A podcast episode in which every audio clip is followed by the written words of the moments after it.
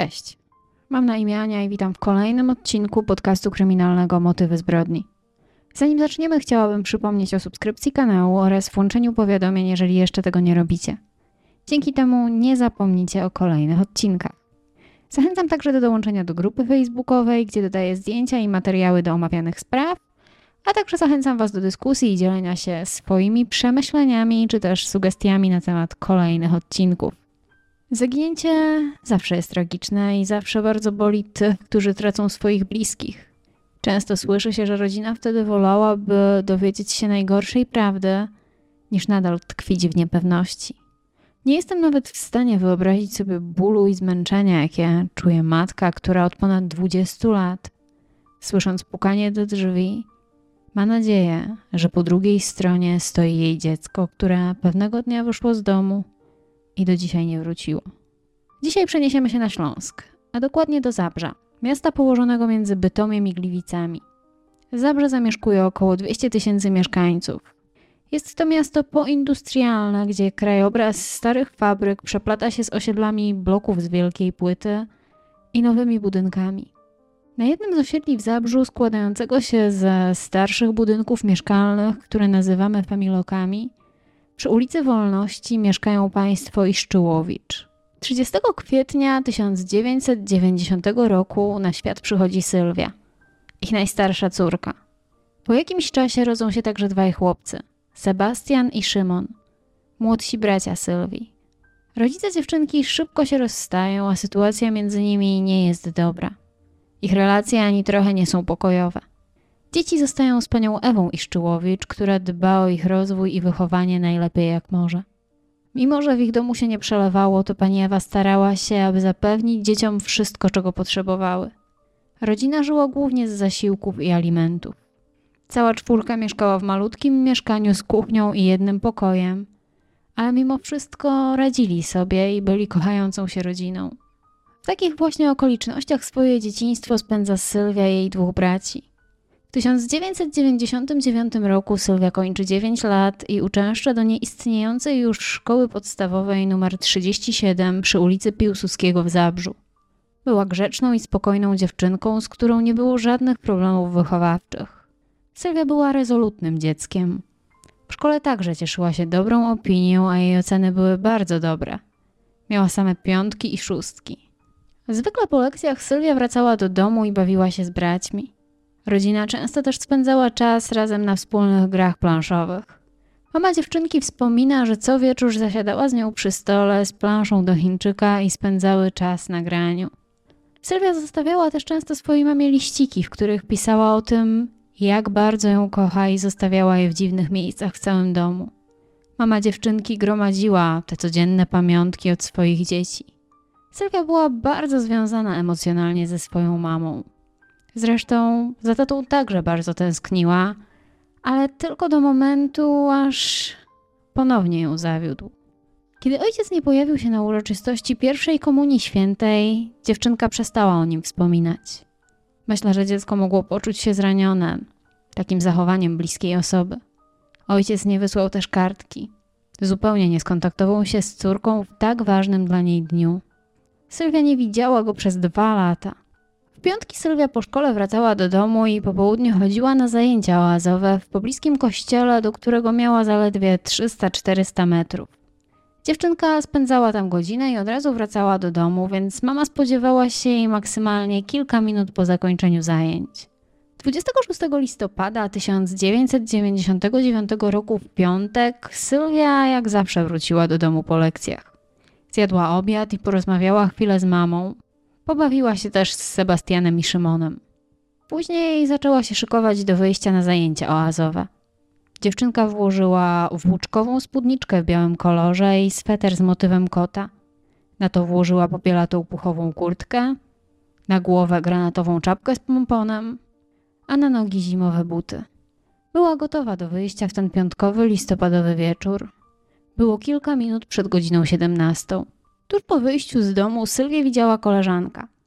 Wiedziała, że Sylwia jak zwykle w piątki udaje się na zajęcia w domu parafialnym. Miejsce to było oddalone jakieś 200-300 metrów od mieszkania pani Iszczyłowicz. Jednak tego dnia zajęcia miały być gdzieś indziej, ponieważ w domu parafialnym miał miejsce gruntowny remont. Sylwia podobno dotarła do domu parafialnego. Później była jeszcze widziana w kościele świętego Andrzeja po drugiej stronie ulicy. Najprawdopodobniej dziewczynka nie mogła znaleźć odpowiedniej sali, w której miały odbywać się tego dnia zajęcia i postanowiła wrócić do domu. Po raz ostatni Sylwia była widziana przez pracownicę biblioteki miejskiej około 18.30. Dziewczynka szła ulicą Wolności i była bardzo blisko domu. Szła sama. Jakieś 200 metrów dalej znajdował się salon samochodów marki Nissan, gdzie jej wujek pracował jako portier. Ale nie widział tego dnia Sylwii. Minęła 19, a Sylwia nie pojawiła się w domu. To było bardzo dziwne, bo dziewczynka była bardzo obowiązkowa i poukładana. Jej mama zaczęła się niepokoić i postanowiła sprawdzić, co dzieje się z córką. Kobieta ruszyła w drogę, którą tego dnia miała przebyć Sylwia i poszła sprawdzić, dlaczego jej córka nie wróciła jeszcze do domu. W kościele okazało się, że tego dnia dziewczynki nie było na zajęciach oazowych. Kobieta odwiedziła koleżanki Sylwii, które mieszkały w okolicy, ale tam też nie było jej córki. W takiej sytuacji kobiecie nie zostało nic innego. Postanowiła zawiadomić policję. Około 22 pani Ewa pojawiła się na komisariacie policji, aby zgłosić zaginięcie. Policja standardowo rozpoczęła od pytań o sytuację dziewczynki. O to, czy nie miała problemów w szkole czy w domu. Nie miała. Rozpoczęły się poszukiwania dziewięciolatki. Pierwsza noc była intensywna, ponieważ istniało największe prawdopodobieństwo, że uda się trafić na jakiś ślad albo odnaleźć dziewczynkę całą i zdrową. W poszukiwaniach poza policją brał udział kto tylko mógł. Znajomi, sąsiedzi, wolontariusze, rodzina. Nawet bezdomni, którzy mieli dość tego, że ciągle zakłóca się im ich spokój, szukali dziecka. Jednak mimo tego, że takie poszukiwania trwały przez kilka kolejnych dni, nic nie przyniosły. Ani śladu po dziewięcioletniej dziewczynce. Sprawdzono dworce, pętle autobusowe i zajezdnie tramwajowe w mieście. Rozesłano informacje o zaginionym dziecku do innych posterunków policji na Śląsku. Sprawdzono pustostany. I to wszystko bez skutku. W kolejnych dniach przeprowadzono także poszukiwania w pobliskiej rzece Bytomce, która zresztą będzie przeszukiwana jeszcze kilkukrotnie, oraz w innych zbiornikach wodnych w okolicy z udziałem płetwonurków. Sprawdzono też wyrobiska górnicze. Sprawdzono park w centrum Zabrza, szpitale, izby dziecka, a nawet noclegownie. Ale Sylwii nigdzie nie było i nikt jej nie widział. Policja skupiła się na postawieniu pierwszych hipotez, jednak nie było zbyt dużo materiału dowodowego, aby móc coś potwierdzić czy wykluczyć. Najbardziej nierealna wydawała się ucieczka z domu i porwanie dla okupu. Dziewczynka nie miała problemów w domu i nie miałaby powodu, aby uciekać w zimowy, listopadowy wieczór. Nauczyciele dziewczynki także stanowczo zaprzeczali takiemu scenariuszowi. Nie ma też żadnego realnego powodu, aby pojawił się porywacz, który porwał dziecko nie sprawdzając wcześniej, czy jego rodzina ma pieniądze na okup. W dodatku nikt nie zgłosił żądania okupu. Policja sprawdziła wszystkich, którzy byli w otoczeniu Sylwii. Jej rodzinę, osoby, które uczęszczały na zajęcia oazowe, czy też sąsiadów dziewczynki. Ale tutaj także nie pojawiły się żadne podejrzenia. Policja starała się odtworzyć ostatnie chwile dziewczynki od momentu, kiedy Sylwia wyszła z domu około 18.30. Była widziana przez bibliotekarkę przy ulicy Wolności, jak szła sama w kierunku swojego domu. Następnie ktoś widział podobną dziewczynkę około 17.00 przy lodziarni na ulicy Piłsudskiego. Później przy tunelu niedaleko ulicy Damrota, a także niedaleko restauracji pod kasztanami. Po raz ostatni ktoś widział ją około 19 niedaleko ulicy Różańskiego. I to tam ślad się urywa. W sprawę zaangażowano także media i w mgnieniu oka zdjęcie i informacje o zaginięciu Sylwii pojawiły się w telewizji i gazetach na Śląsku i w całej Polsce. Informacje podawano także w radiu. A niedługo po tym w Zabrzu pojawiła się też ekipa telewizyjna z programu 997, aby przygotować odcinek o zaginięciu dziewczynki – ale niestety emisja programu nie przyniosła żadnych nowych informacji. W sprawę zaczęli angażować się jasnowidze. Jedna z jasnowidzek miała wizję, która skierowała poszukujących w miejsce, gdzie rzekomo mieli znaleźć ciało dziewczynki. Na miejscu znaleziono czarną rękawiczkę, ale nie wiadomo, czy należała do Sylwii. To była taka zwykła czarna rękawiczka z pięcioma palcami. Inny jasnowic powiedział, że ciała dziewczynki należy szukać w szambie, a jeszcze ktoś inny przekazał prasie informację, że dziecko pani Ewy nie żyje. W sprawę włączył się także Krzysztof Rutkowski. Ale pani Ewa twierdzi, że przyciągnęła go medialna otoczka sprawy, ponieważ detektyw nie zrobił żadnego kroku w przód. I ostatecznie stwierdził, że w sprawie Sylwii nie ma żadnego punktu zaczepienia.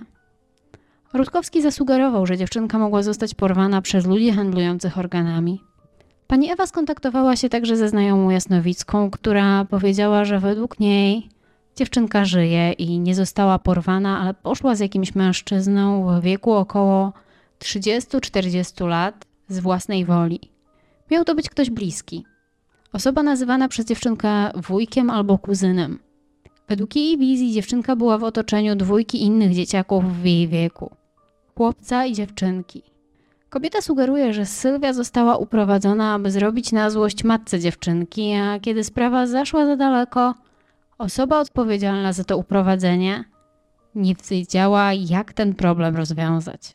Według Jasnowickiej Sylwią miała opiekować się jakaś starsza kobieta.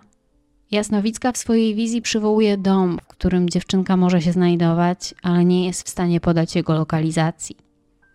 W jednym ze źródeł znalazłam informację, że kilka osób widziało mężczyznę, który szedł za dziewczynką i policja sporządziła portret pamięciowy tego mężczyzny, jednak do dzisiaj nie udało się go odnaleźć. Nie wiem też, na ile ta informacja jest prawdziwa.